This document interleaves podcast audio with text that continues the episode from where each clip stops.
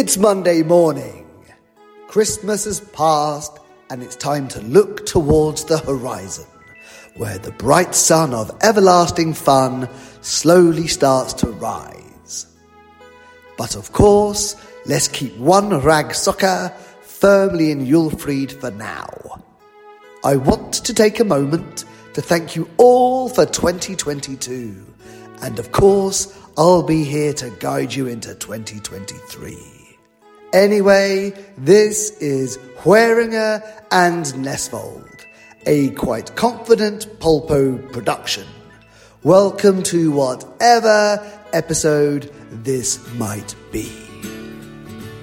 Just idag är jag stark Just idag mår jag bra Jag förs framåt av kraftiga vindar Just idag är jag stark Just idag mår jag bra Jag har tron på mig själv på min sida Jag måste bara få berätta här, vi har lite försnack här i podden nu, men vi, vi pratar om när man inte kan bjuda på sig själv. Vi som jobbar med humor, vi, man tror ju oftast att vi alltid kan bjuda på ett litet skratt eller bjuda på oss själva. Det är ju inte säkert att ni skrattar åt oss när vi bjuder på oss själva och det är ju en annan femma. Men man tror, det finns en fördom om oss att vi alltid kan baka en bulle när som helst på dygnet utan någon som helst förberedelse, utan ingredienser, utan deg så kan vi, där fick vi till något kul.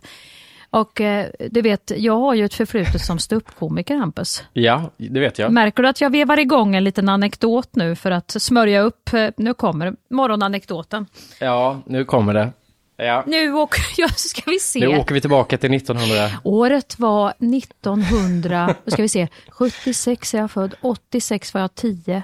Hej, hej, hej, matematik Eh, 86, 96 minus 2. 94. Vi säger hej, hej, hej, matematik Året var 1994. 94? Och innan jag var född. Och Ståupp var ju hetare än någonsin i, i Sverige.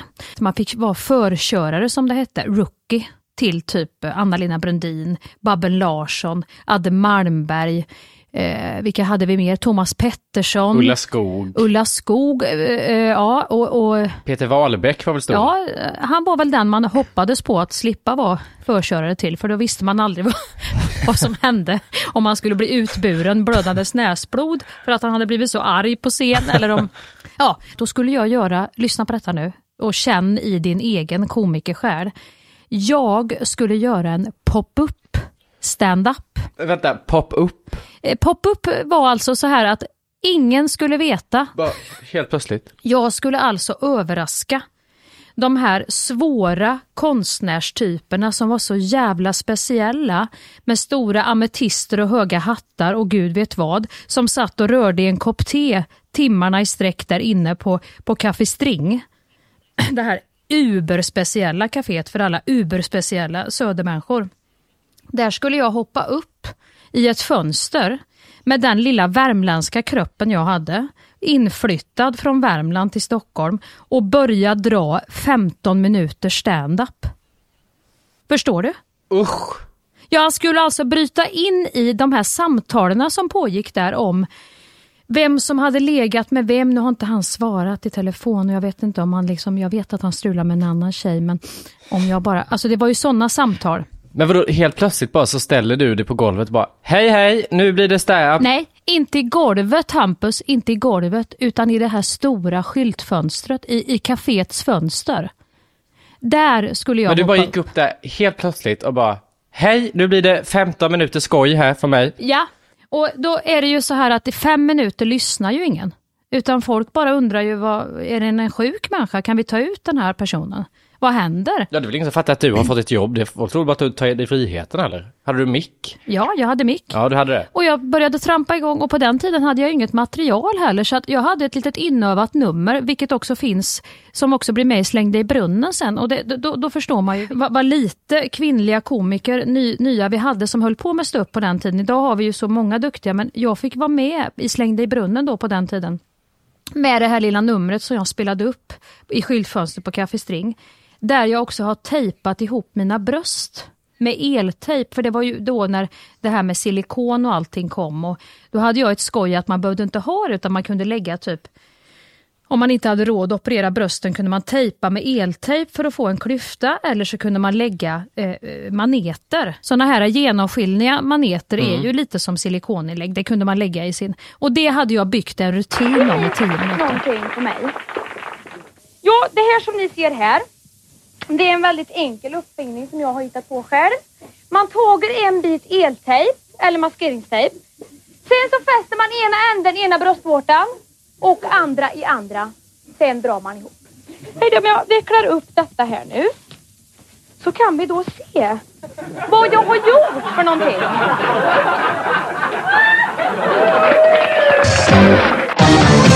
Så fruktansvärt att jag ska stå i detta kaféfönster och dra den här rutinen om mina bröst och klippa upp den här eltejpen för ingen åskådare alls utan alla bara tittar på mig med såna eh, liksom dödskalleögon bara. Vad händer? Vad är detta? Vad pra- varför säger de? Vad har de för dialekt? Vi, hör, vi, vi förstår inte. Kan någon översätta? Vi, vi hör... Nej. Så tack så mycket! Ta- Ja, tackar, tackar. Ja, ja. Fick jag gå ner sen. Och så var det uppträdandet färdigt. Det var ett sånt här liksom, en liten idé man hade om och hur man skulle lansera de här nya heta komikerna. Men hur, hur, hade, hur vågar du stå kvar där ingen skrattar om man gör en sån utlämnande grej som i sina bröst? Ja, men vad skulle jag göra Hampus? Jag hade ju vevat igång. Jag hade ju en rutin. Två... Ja men du hoppar inte över de tre sista numren eller någonting för att känna, nej det här är inte min publik. Nej men det var- kunde jag ju inte göra utan jag var ju tvungen att ändå... Jag hade ju byggt upp skämt. Jag var ju tvungen att ändå skörda det jag hade sått i mitt material. Så jag skördade ju på. Jag skördade ju allt jag hade och sen var jag ju tvungen att gå av. Och varför kan man inte vända sig om under de tio minuterna och bara titta och le? Jag försöker tänka vad man själv hade gjort i den situationen om man hade gjort det. Om det kommer upp en, om tänker att en snubbe som ställer sig i ett kaféfönster, papp upp och liksom börjar leka och dra skämt. Ja men vad är det för fel på att vara snäll? Jag var ju inte, jag var ju, sa ju inget, e det var ju inget elakt skämt. Jo men hade man själv Ja gjort det det? tror jag faktiskt. Jag hade kostat på mig i alla fall varit tyst och tittat på den här personen. Jo men har du tittat med kärlek eller med dömande? Det var ju som att jag var en fluga i, du vet, i, i, så här, i kossans öga som bara surrar framför ögat på kossan hela tiden. Och så ung med 18 år var det. 18 år var jag och det var min, det var min väg in i eh, ja, komikens land. Det var en liten morgonanekdot som fick rulla igång det här.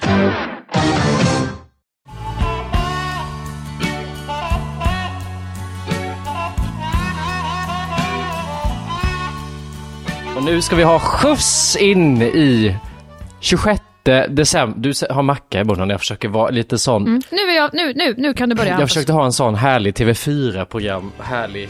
Hej! Du vet så bytte bytt, René Nyberg. Halloj! Ja, Nu kör vi igång.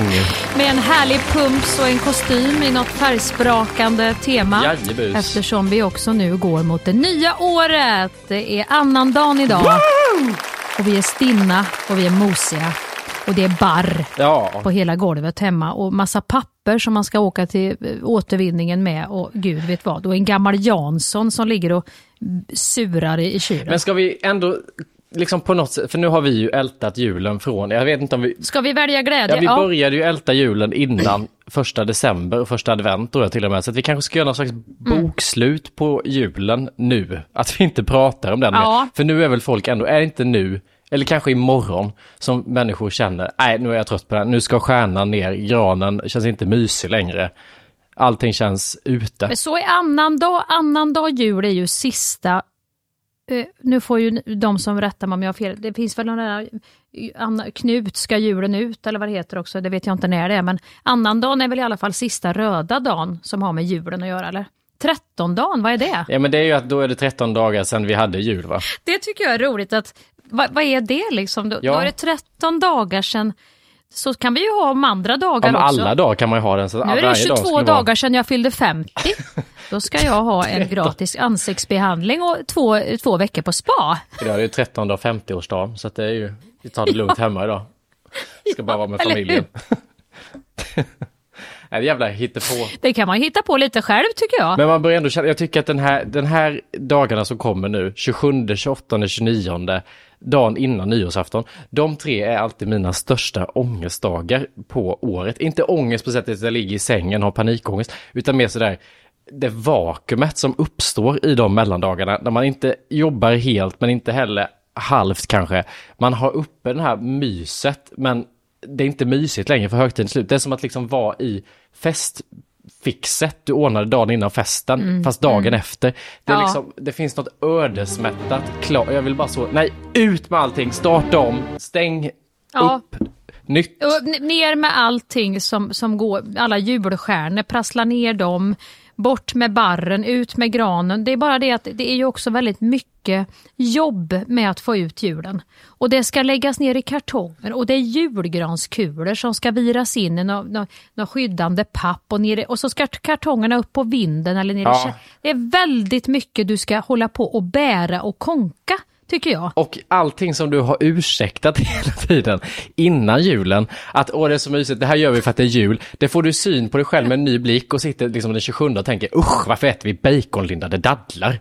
Usch varför äter vi de här torra fikonen, vad äckligt, nu slänger vi dem. Och den här gamla torra, den här skinkan också. Ja. Som, som, som har börjat bli lite torr som alla är och pillar och skär på där inne. Och sitter och suger på någon sån gamla Dumleklubbar du vet, så äckligt hår. Så man bara nej, varför gör vi det här? Det här godiset gillar vi inte ens. Ja, och så det här att du ska steka upp, då, då tar vi lite rester nu och steker upp lite här av det som är kvar. För femte dagen i rad. Nu, nu får vi ha koriander och, och panäng och, och från andra världsdelar här, för det här orkar vi Nej. inte mera svenskar. När någon ställer fram ägghalvorna med, med någon slags majonnäs och räka 28 då känner man Slå mig hårt i ansiktet så får jag känna Du, när det kommer, när det kommer fram till, till brunch, en ägghalva med ett sånt här plastfolie på Ja. där majonnäsen har och så ett torrt ägg. har, har tryckt hela sura ansiktet mot.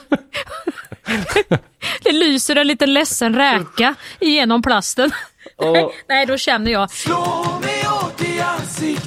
om man ser att det är en tredjedel kvar av Janssona och alla äter så lite, så lite och det finns någon som bara ät du mycket, ta slut på det nu, ta en vända till. Men Jansson är ju så här, det, behöver, det kan du ju göra egentligen bara en sån här mini-mini-form, alltså typ nästan en kaffekopp, för det är ju bara en jävel alltid som öser på den här. De andra vill ju inte ha Jansson. Jo men, jo men Jansson är väl ändå en av de populära, är det inte det? Nej, det är det inte. Det är alla, alla säger det, men det är bara en person som står ut med ansjovisen. Ja då är jag nog den personen för jag öser ganska Ja, den mycket gillar du. Ja, nu Det var otippat att du går, går loss på ansjovisen, det trodde är jag det kanske inte. inte just ansjovisen, vi har ganska begränsat med ansjovis i vår, men, men just Jansson tycker jag är... Ansjovis. Åh, har du blivit lite teater? Är du vid teatern Hampus? Dramaten? An- Ansjovisen! Fröken Julie! Julie! Hämtar du ansjovisen? Har fru Julie inte haft någon ansjovis? Jag tänker också, Du luktar ansjovis, fröken Julie. det är folk på Dramaten och Petra Mede som har dem. Essen, vet man pratar så, kärnornas kärna. Välkomna till kärnornas kärna. Man har den. Ja, det tycker jag är, det är lite roligt att Petra Mede just har fått, lagt till med Ja, hon pratar så heter det. Sjuk. Ja, Sjuk Ja. och sju. Ansjovis. Vi andra säger ju an, Ansjovis. alltså, Det åker ner i halsen. Ansjovis. Men jag tror att, nej, jag tror, jag, är du på Dramaten så säger du inte ansjovis. Nu börjar du med detta Molvig igen och det har flera läsare skrivit, läsare, lyssnare med. Här på bloggen Många har jag lyssnare av hörde av, av kommentarsfältet. sig. Hörni ni som lyssnar nu, man säger ju inte grynet Molvig, man säger grynet Molvig. Men då skulle ha- Hampus härma med och säga Mölvig. Mölvig heter det inte, nej Molvig sa jag. Och nu säger Hampus att det heter an, ansjovis. Och jag säger Det ansjovis. får vara i landet du lyssnar. Ja, jag tror faktiskt att man, det måste heta ansjovis. Sen kan jag tycka om, om jag bräker på värmländska att det kan bli ganska äckligt att säga ansjovis. Fan, det snåla inte med ansjovisen nu är du snäll. Det är så gött när det blir lite salt i potatisen vet du. Ska vara mycket ansjovis i. Jag tycker det låter som något sånt vårtmedel från apoteket. Du, köp med dig ansjovisen här för att jag har fått nu på fingrarna. Duttar du jämt lite med ansjovisen här under, under stortån för det är någon jävla envis vårta där. Fan. Där har vi, nu har vi i alla fall förstört det sista av julemyset som fanns kan vi säga. Det är ingen som kommer äta Janssons efter det här.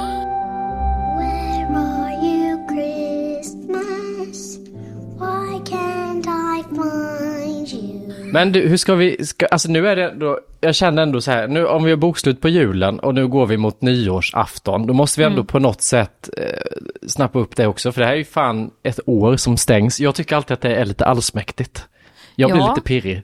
Det är pirrigt och det är också lite grann så här, också de här, vad ska man göra på nyårsafton? Är inte det också en sån här standardfråga?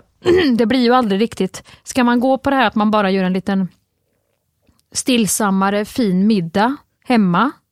Eller ska man eh, försöka vara med på den här festen? När man var yngre så slutade det alltid i fullständig fylla. Och, och bara trasiga strumpbyxor och liksom eh, kallt ute och nej men det blir bara, det blir aldrig bra. Det blir alltid bara någon jävla så här, äcklig snefylla i Kristinehamn. Nå, någon konstig fest.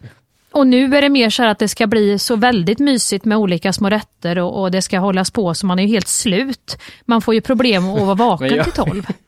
Jag tror, här har vi så olika erfarenhet för att du var liksom en tuff ung tjej som var på fest och umgicks med äldre och sånt i din barndom. Men jag var ju liksom en så här kille som inte var riktigt med i något gäng när jag var liten. Så att för mig var liksom fram till att jag flyttade till Stockholm och träffade vuxna människor som jag blev kompis med, i synnerhet Sofia, en av mina bästa vänner, som styrde upp varje år på midsommar och nyår. Då ses vi den tiden och så käkar vi förrätt, sen är det varmrätt, sen leker vi det här och sen är det efterrätt och bla bla bla. När man har en vuxen sån, oftast generellt sett är det en kvinna också som tar det ansvaret och styr upp så är det första gången jag får uppleva Ja, ja. de här riktiga nyårsfesterna eh, liksom festerna och midsommarfesterna sen barndomen typ. För hela min tonår var antingen att man inte var bjuden och att man sa till sina föräldrar, "Nej, jag ska vara med Pontus. Och så satt man med Pontus, sin enda kompis, och drack typ Pommac och lättöl och åt Billys panpizza och cyklade runt och tittade, vad är festen? Vad har de fest för någonstans? Och så fick man inte vara med. Och så tittade man på American Pie typ tills man somnade. Och hur gammal var du då, undrar jag? Nej, men det var väl 13 till liksom 15. Och sen efter det så var det som att man alltid försökte hitta, vad är man på nyår, vad är man på nyår? Från typ september Ja. började man hetsa och så slutade det med att man är hos en kompis, kompis, kompis, kusins kompis. Där man inte känner en käft och sitter i ett hörn med en flaska hela kvällen och kan inte säga någonting till någon typ. Nej vad hemskt, för det var den kompisens kompis kompis som hade föräldrafritt. Så det var dit alla skulle. Ja, Ja, och då är det inte så här att någon har ordnat någonting utan då är det så här Ove Sundberg har tagit med lite salta pinnar på sin höjd. Ove Sundberg, 16 år. I beg to differ. Vi har bidragit med matches, knäckebröd, salt, salta pinnar. Utan oss hade det ju för fan inte blivit någon jävla fest här. ta med din egen alkohol. Och ibland var det också så här någon skulle göra mat, något killgäng hade tagit på sig. För då var det lite mer så här, men vi gör det lite uppstyrt men det är fortfarande supandet som är viktigast. Nej, för det tänkte, när man hade så här typ flintstek kunde folk köpa ibland sådana högtider. Men det var ju ingen som orkade grilla upp den. Nej, men, ni var väl inte ute och grillade flinta i Värnamo på nyår? Nej, men på midsommar Ja, så kommer jag ihåg att då midsommar köpte folk flinta, absolut. flintastekar. Men så var det ingen som orkade grilla den, så då dröjde man liksom rått bitar i den. Eller att man så slängde på den halvt och sen så tog man upp den igen för att det gick Flinta, inte. Och så var Det svinhungrig. var fina grejer. Den var ju så jävla marinerad i kryddor så att den, den var ju nästan som en, en, en, en lax att du kunde äta den rå. Men det blev ju alldeles, man hade med sig en papptallrik, en flintastek och potatissallad. Det var det enda man hade med sig och så öl i en påse. Alltså det, jag får sån ångest. Men jag var så jävla matglad Hampus så jag brukar köpa mig en egen grillad kyckling och såna här pommespinnar. Och sen satt jag och grävde till det bara var ett skelett kvar i den där påsen. Och moffa åt så jag hade sån här grillkrydda runt hela mun du vet. Som, som när du smörjer Lypsyl hade jag med sån där natriumglutamat. Liksom upp eh, som en clownmun och så pommespinnar till. Pommespinnar till. Den här stel, stela, torkade, små, små tunna pommes frites ja. Ja det hade vi till grillad kyckling. Och det var en måltid. Grillad kyckling, pommes och så häxbrygd. Det kunde vara en skvätt strårom, lite kall eh, rödvinsglögg, starkvinsglögg och lite marinella och så sockerdricka som man skakade om i en shaker i en flaska. och så en liten, nyårs, en liten nyårshatt på det och blåste man i tutan så r- ringde man in det nya året och ut med allt Och det så gamla. satt man hos någon som hade föräldrafritt och hade ingen det så satt man typ vid badplatsen i något vindskydd eller liksom på någon brygga eller på golfbanan eller liksom så här konstiga ställen. Fy, livsfarligt att sitta och supa på en badplats Ja, också. det gjorde man ju. Vi satt ofta i lekparken satt Ja, vi. alltså, det var ju, På en sån här... äh, det var ju bättre.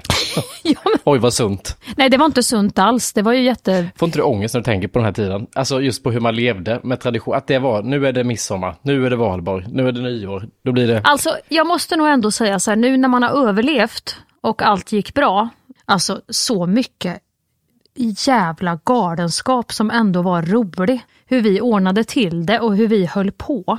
Idag tycker jag inte att det är ångest Hampus, idag tycker jag så här.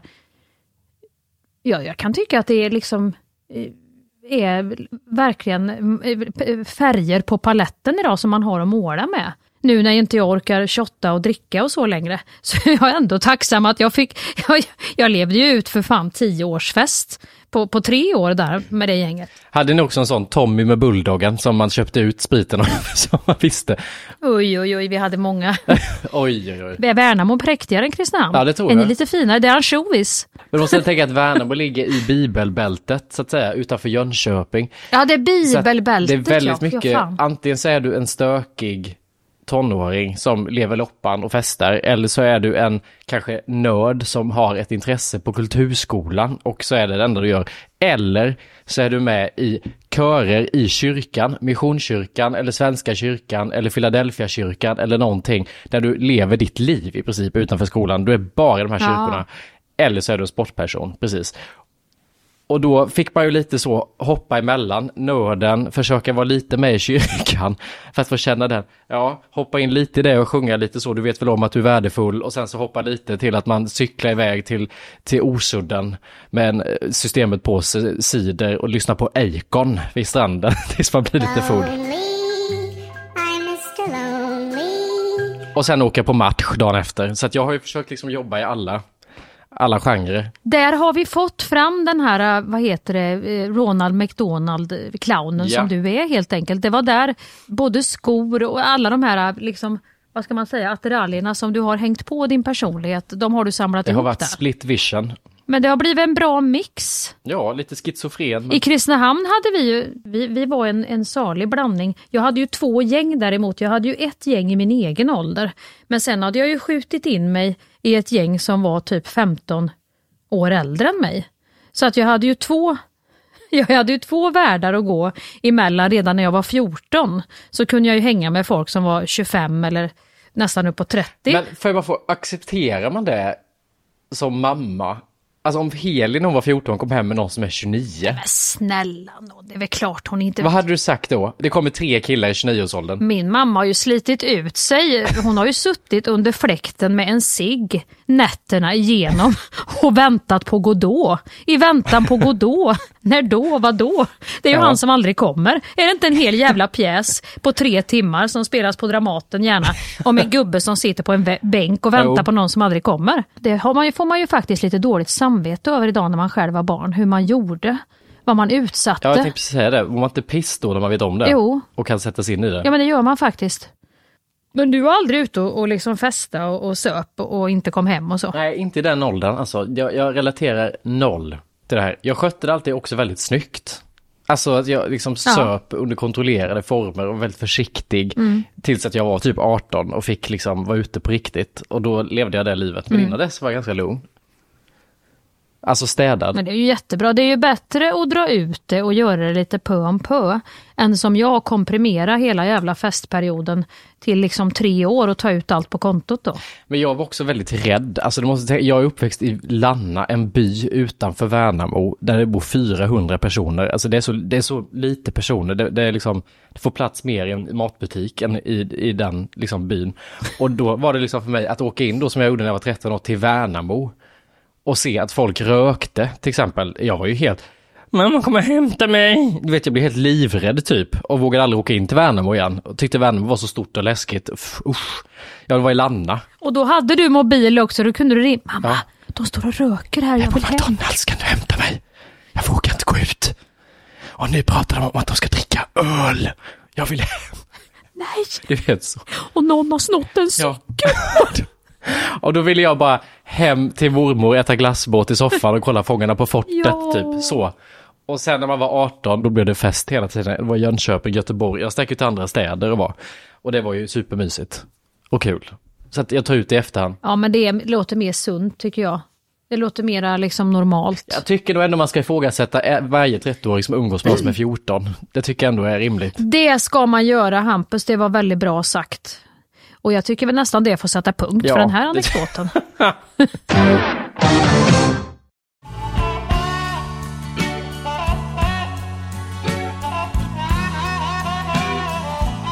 Jag, jag tänkte faktiskt, jag skrev ner först så här, ja vi kör Agnetas nyårskarameller, skrev ner, och så hittar vi Ja. våra favoriter från året. Men så kom jag på det, att Agneta när hon gör detta, hon är ju bara världen och så visar hon upp roliga klipp på andra människor som har klantat till det. Vi skulle sitta och vara värdar och spela upp våra egna. Och vad lustiga vi var här. Och vad kul vi var. Det är ju så självgott. Alltså, Ja, det är kan du självklart. tänka dig om Agneta hade haft sina nyhetskarameller och bara spelat upp klipp på sig själv. Det här var när jag sa fel. På sina när jag egna. sprang fel i fortet. Nu kommer det roliga. Här snubblar Ja, jag. och nu kommer ett väldigt roligt klipp när jag var med i 16 Week of Hell också. Där var jag i och för sig, det hade inte så mycket kalorier i omlopp, men det var en, ja, det var en otrolig Och här tid. kommer, när jag sa fel i förra årets nyårskarameller, när jag skulle på en reklam, då kommer det, nu kommer det här, det blir kul. Nu kommer det ett väldigt fint citat från Så in i själen när jag intervjuade, ska vi se här vem det var. Där, varsågoda. Nej men så hemskt, Ja men du, det, det kan vi inte göra, vi kan inte ha. det hade varit jätteroligt om vi hade gjort det. Jag tror att vi kom på det innan vi satt här och nu. Det var så roligt när du Mia drog den anekdoten. Ja, minns du Hampus vad jag... Och vi, Och vi skrattade. skratt- och jag- Och vi skrattade vet du. Jag, jag kunde inte sluta skratta. Jag skrattade så... Eh, det är ju så jävla jobbigt när någon, när någon påar en sak så. Och vi skrattade innan man ens... Då, då känner jag så här, jag vet inte hur jag ska klara av att skratta Nej. så mycket nu som ni har gjort åt det här. Jag hoppas verkligen att det är att det är inte falsk marknadsföring utan att vi får nu skratta här. Åh, Nej, vi kan nog inte dra eh, nyårskarameller från podden, men däremot så undrar jag, interna nyårskarameller, ja, men, jag tänkte, jag inombordare. tänkte följa upp, för vi började ändå podda 17 januari, det är nästan ett år sedan nu. Och då minns jag, Är det bara ett år ja sedan? snart är det ett år sedan ju. Och då minns jag att ett av dina löften för 2022, tanke du hade om vad det här året skulle bli, det var Jag sa faktiskt det till mig själv det här året 22. Att jag ska tvinga mig själv att fokusera på positiva saker nu. Ska du vara lite öppnare i med det också då, tänker du? Inför saker? Ja, det kan jag inte lova. Nej, men ändå lite. Nej men alltså, jag ska tvinga mig själv. och Det är inte säkert att du kommer märka en enda skillnad. Men i mig kommer jag bada i ljus, Hampus. Hur har det gått med detta nu? Vi ska liksom utvärdera 2022. Vad blev det av ljus och glädje? Jo men då måste jag nog ändå, nu får jag uh, kosta på mig att bli lite allvarlig här men alltså det finns ju olika så att säga nivåer av det här badandet i det här ljuset nu.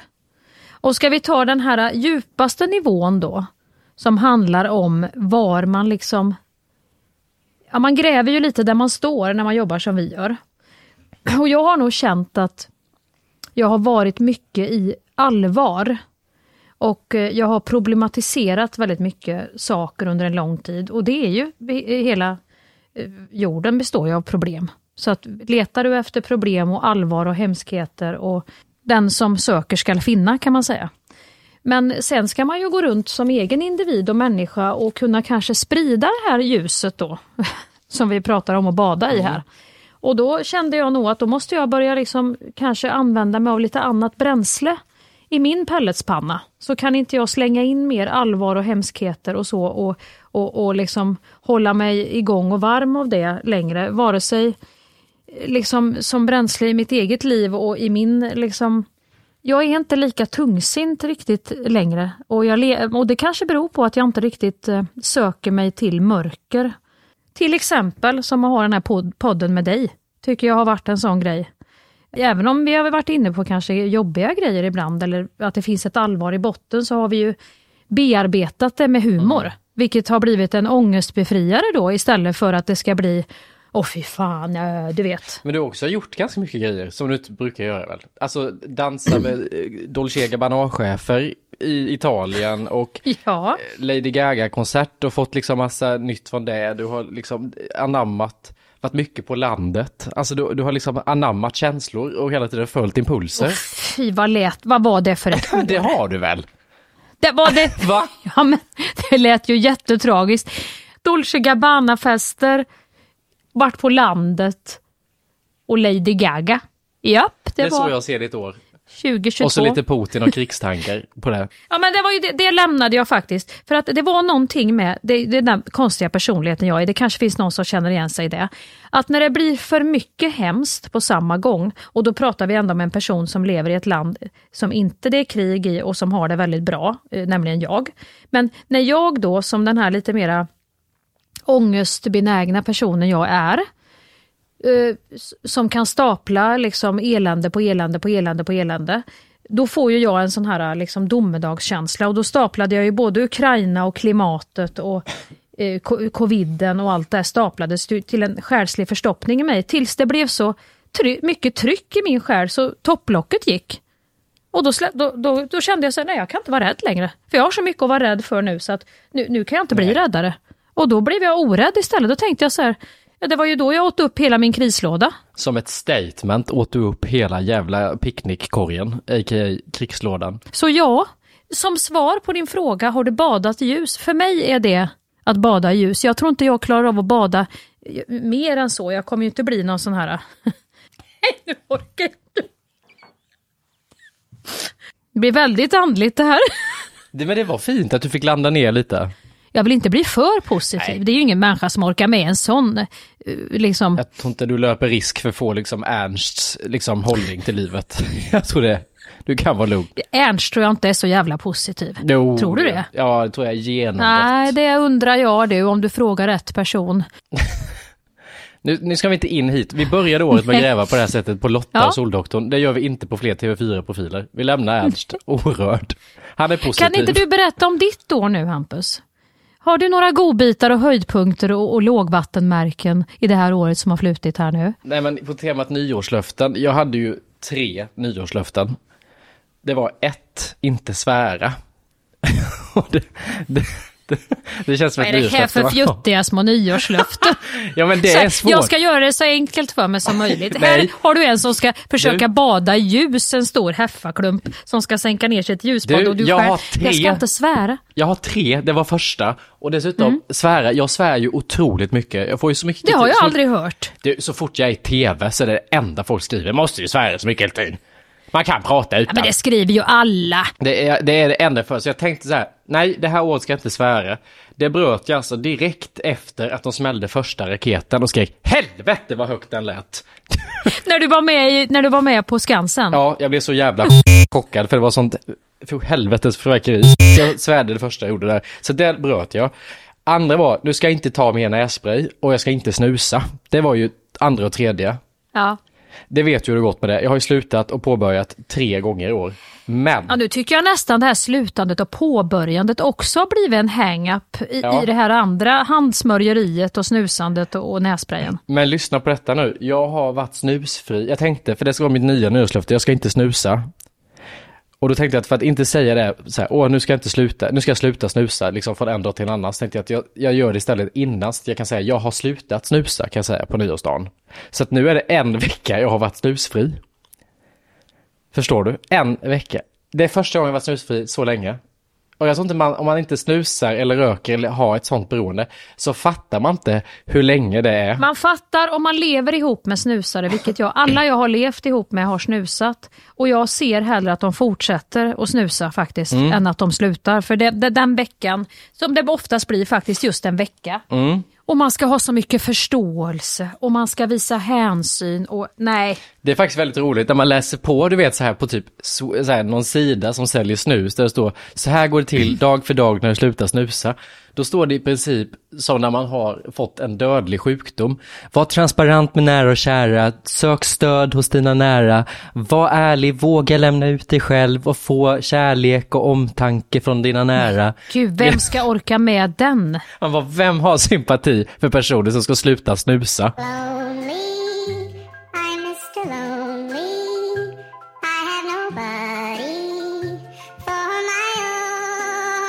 Men tonläget här hemma den här veckan, för Ellen har också slutat snusa. Alltså vi har, det har varit så mycket, allting blir stort. Om det är så, kan du ta in diskmaskinen?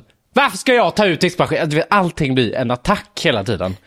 Allting. Men det är ju bra att båda slutar sig för då kan ni ju attackera. Då har ni nu, nu, nu får ni bara liksom låta det här verka ut då under två veckor. Ingen av oss sover heller, det är det. Vi ligger klockan tre på natten och går upp och kissar om vartannat för ingen har somnat. Jag öppna lite? Ja, stänger du? Ja, alltså så, här, så pågår det fram till typ halv fyra. Hela Det tiden. är typ så här no, Norén hemma hos er nu. Ja. Norénpjäs. Och precis innan jul och när man jobbar så här mycket så kände jag, jag var tvungen just nu. Men det var någonting som bara, nej nu är det slut. Och då måste man ju följa den. Det verkar som att alla som slutar snusa och röka alltid väljer helt jävla fel tidpunkter. Och va, på, på riktigt, det här med nyårslöften dagen efter nyår. Du har festat kanske, du har ätit mat, du har gått och lagt dig sent. Det är stökigt, det ska diskas. Det är liksom, då ska du dra igång med, antingen så har jag, det har jag alltid hört att folk ska gå ner, då är det 10 kilo. Då ska de gå ner i vikt, eller de ska sluta röka, eller de ska börja träna och, och, och jogga ut någon halkig, liksom. alltså jag förstår inte varför kan man inte bara göra det när som helst? Jag vet, man vill väl ha någon tydlig motivation. Inte som när folk säger nu blir jag gravid, då slutar jag snusa för det är tydlig motivation. Eller nu ska jag springa midnattsloppet. Ja men vad är tydlig motivation med nyårsdag? Ja, det är Då är det nytt. bättre att säga så här, ungefär som den här påhittade 13 dagen, att 42 dagar efter nyår, då, det är 42 dagars, då, då, då gör vi Jag våra tror den grejen nyårslöften. är så stark för folk. Att nu är det någonting nytt på samma sätt. Jag ska börja träna på måndag. Vi behöver liksom en tydlig, nu är mitt nya liv. Det minns jag även när jag var liten. Då var mitt nyårslöfte flera år, det här är så jävla sorgligt, men också på något sätt roligt. Mitt nyårslöfte flera år i rad var, nästa år så ska jag bli en annan person. En person jag tycker mer om. Men det är ju också Nej, någonstans, det, har, det är ju supersorgligt, men det sammanfattar Ja. också typ alla nyårslöften som folk någonsin har haft och vad de egentligen handlar om. Att Mm. man vill bli någon bättre person som andra och en själv ska tycka mer om. Så det hade ju den pöjken förstått. Istället för, istället för att bli så här, det här året ska jag verkligen vara mig själv Ja. och, och för, inte försöka plisa alla andra och göra mig till och, och Nej, jag liksom, ska bli någon som folk tycker om det Det- här året. Det ska jag satsa på. Ja, Det är hemskt.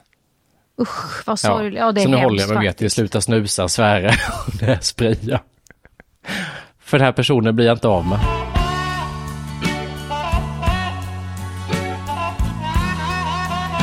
Jag tror att man ska vända de här nyårslöftena till, de är ju ganska så här stränga och, och eh, krä, kravfyllda till väldigt snälla saker med sig själv. Alltså lova sig själv fina saker. Jag ska ta hand mer om mig själv eller jag ska lyssna mer på min magkänsla. Eh, Jag tror att allt, allt som handlar om att man ska se ut eller bli något för någon annan, det ska man vara väldigt eh, vaksam på. Och så ska man vända det istället att allt man ska bli för sig själv, eller vara eller sluta med och bara försöka slappna av, det är nog mer hållbart tror jag. Faktiskt. Men på detta temat, alltså nyårslöften och det nyårslöftet som jag alltid hade när jag var liten, så tänkte jag om vi skulle, om jag får avsluta den här eh, podden och året med podden eh, med ett eh, litet tal till dig. Nej men, herregud, nu får jag sätta på mig lurarna här. Ja. Ja. Jag vet inte om jag har skickat det här till dig, men jag hittade när jag skulle leta efter mina nio, eh, nyårslöften, scrolla ner i anteckningar, så hittade jag en eh, anteckning där jag hade skrivit till dig, som jag inte vet om jag skickat det eller inte, så jag tänker att jag läser upp det. Nej men gud vad spännande. Ja, Och så kan vi i alla fall säga, för jag tycker så här, jag lyssnade på några poddavsnitt, ibland, vi skämtar, vi skämtar på varandras Ja. bekostnad, det kan vara hårt och det framstår som att liksom, ibland framstår det som att man nästan, jag hatar nästan mig själv, att man låter så elak mot varandra, men det är för att vi kan ju ha den jargongen. Ja, men bara för att liksom, gud, ja. påminna folk om att det finns någon värme bakom, så tänkte jag att jag kan läsa upp det här nyårstalet till dig, för att avsluta vårt år med Skäringen Hässvold. Jag vet att du vet vad du betyder för mig. Att du är så väldigt många och stora saker för mig i mitt liv. Att du är en av två som format mig mest i vad jag idag gör och att jag faktiskt vågar göra det. Vi lärde känna varandra för när jag var i en ålder där man är väldigt mottaglig och sökande. Och när vi möttes var du en stor upplevelse och gav så mycket som jag tagit med mig och som format den vuxna människa och den kreativa människa jag idag är. Din värme, kärlek, humor och ärlighet. Även om vi skämtar om våra tillkortakommanden och krångliga personer och att du någon gång sagt att jag ska inte ta rygg på dig, så finns det ingen annan jag hellre skulle vilja ta rygg på än just dig. Som jag ser upp till som till dig, som får mig att acceptera mig själv som dig. Och det är inte lätt att vara du, jag vet, för det är inte lätt att vara jag. Men det är väldigt lätt att vara runt och med dig. Tack för det och tack för att du såg och fortfarande ser mig och igenom mig. För att du får mig att känna mig någorlunda normal i en värld där jag alltid annars känt mig onormal. För att du förstår mig och vet att även när jag verkar hård, tuff, oberörd och distanserad vet att den lilla pojken i mig egentligen är rädd och ängslig och redan har börjat formulera ett förlåt-sms. Och tack för att du alltid lugnt står kvar tills du fått det smset. Jag är så tacksam och jag älskar dig. nej men. Nej, det här blev för mycket. Ja, men det var ju det finaste Hampus. Jag vet inte vad jag ska säga. Det är liksom... Men det det handlar om är ju någonstans att så här våga, för det är någonting med både den här världen och den här branschen, att våga i en tid som är att man ska prestera hela tiden, man ska ha någonting att erbjuda alla människor. Det här att bara vara och att räcka till i det är så jävla svårt att lita på, tror jag, för många med mig. Och att då nu i så många år som vi har känt varandra, att vi har liksom hållit i och återkommit till varandra flera gånger och att jag som alltid tror att nej men, om jag är otrevlig eller har en dålig dag eller inte är mitt bästa jag i ett möte eller ett sms eller någon gång vi ses så kommer den personen inte tycka om mig längre och inte vilja vara med mig. Så är det som att du har fått mig att tro att nej men, hon känner mig större än så, än ett möte eller ett sms. Hon ser någonting, en helhet som hon måste tycka om, för att annars hade hon inte varit kvar så här länge i den här vänskapen. Och det är väldigt få som man får den tryggheten med och det uppskattar jag så jävla mycket och det betyder ju väldigt, väldigt mycket och det är det hela den här texten egentligen handlar om. Ja men Det var du så, var till. jag kan, det är så svårt du vet att ta emot, alltså det, det blir ju så här om jag kan vara det som du då beskriver eh, här för dig så gör ju det mig jättelycklig. För jag känner mig ju inte alls, jag känner mig ju som den fladdrigaste jag känner mig otillräcklig, jag hinner inte räcka till. Jag, jag, liksom, och jag har ju inte... Jag menar, när jag ser på det är det självklart att jag ser en helhet. Alltså jag vet ju alla... Det har ju aldrig varit några, några grejer eller issues som jag inte skulle ha stått ut med. Jag har aldrig ens tänkt den tanken. Och det är jätteviktigt att få ha sådana människor som man känner man bara kan få vara 360 grader människa med. Men det är ganska få man är det med idag tycker jag, alltså så man får tillåtelse. Ja, det är väldigt få. När du säger det så är det klart. Ja, men när du säger det så är det klart att så, så, så, så, så är det ju för mig också. Man vågar ju inte heller. Man vågar ju inte heller kanske visa de sidorna för så många. Nej, och lita på någonstans att om inte jag har någonting att ge av min eh, rolighet eller snällhet eller att du kan få ut någonting av mig så är jag ingenting att ha. Men att vissa människor vet man, jo men ni av någon jävla anledning ändå kvar här. Ja, och vad hemskt det är att det ska behöva vara så, att man tänker så. Att allt är ett slags utbyte. Ja, men då, då gör jag det för dig och så gör du det för mig. Att det bara är en sån... att många relationer är såna. Mm, Att det inte, som du säger, räcker med att bara vara. mm. Nej, nej men det, det var jätte... Tack så mycket Hampus, det var jättefint. Det där, du får nog skicka det till mig så jag får, eh, så jag får ha det då i min telefon. Det ska jag göra. Så kan jag återvända till det när jag känner mig som en otillräcklig kompis eller människa så ser jag, men någon har ju sett att jag, Att jag har något också. att jag är ganska Ja. snäll ändå. Ja, det var väldigt fint. Det var väldigt fint. Ska vi säga gott nytt år? Det tycker jag vi ska göra.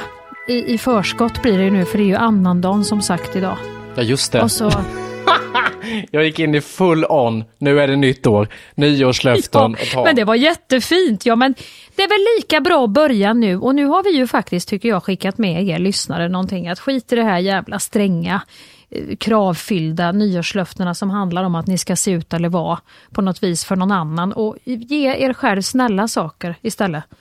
Att ni ska vara snällare mot er själva. Och inte hålla på och krångla och göra er till för andra. Skål och gott nytt jävla år alltså. Precis. Puss och kram! Hörs nästa måndag. I- Nästa år till och med. Wow, wow, wow. Kommer den typen av skämt. Ha det gott! Hej! Hej!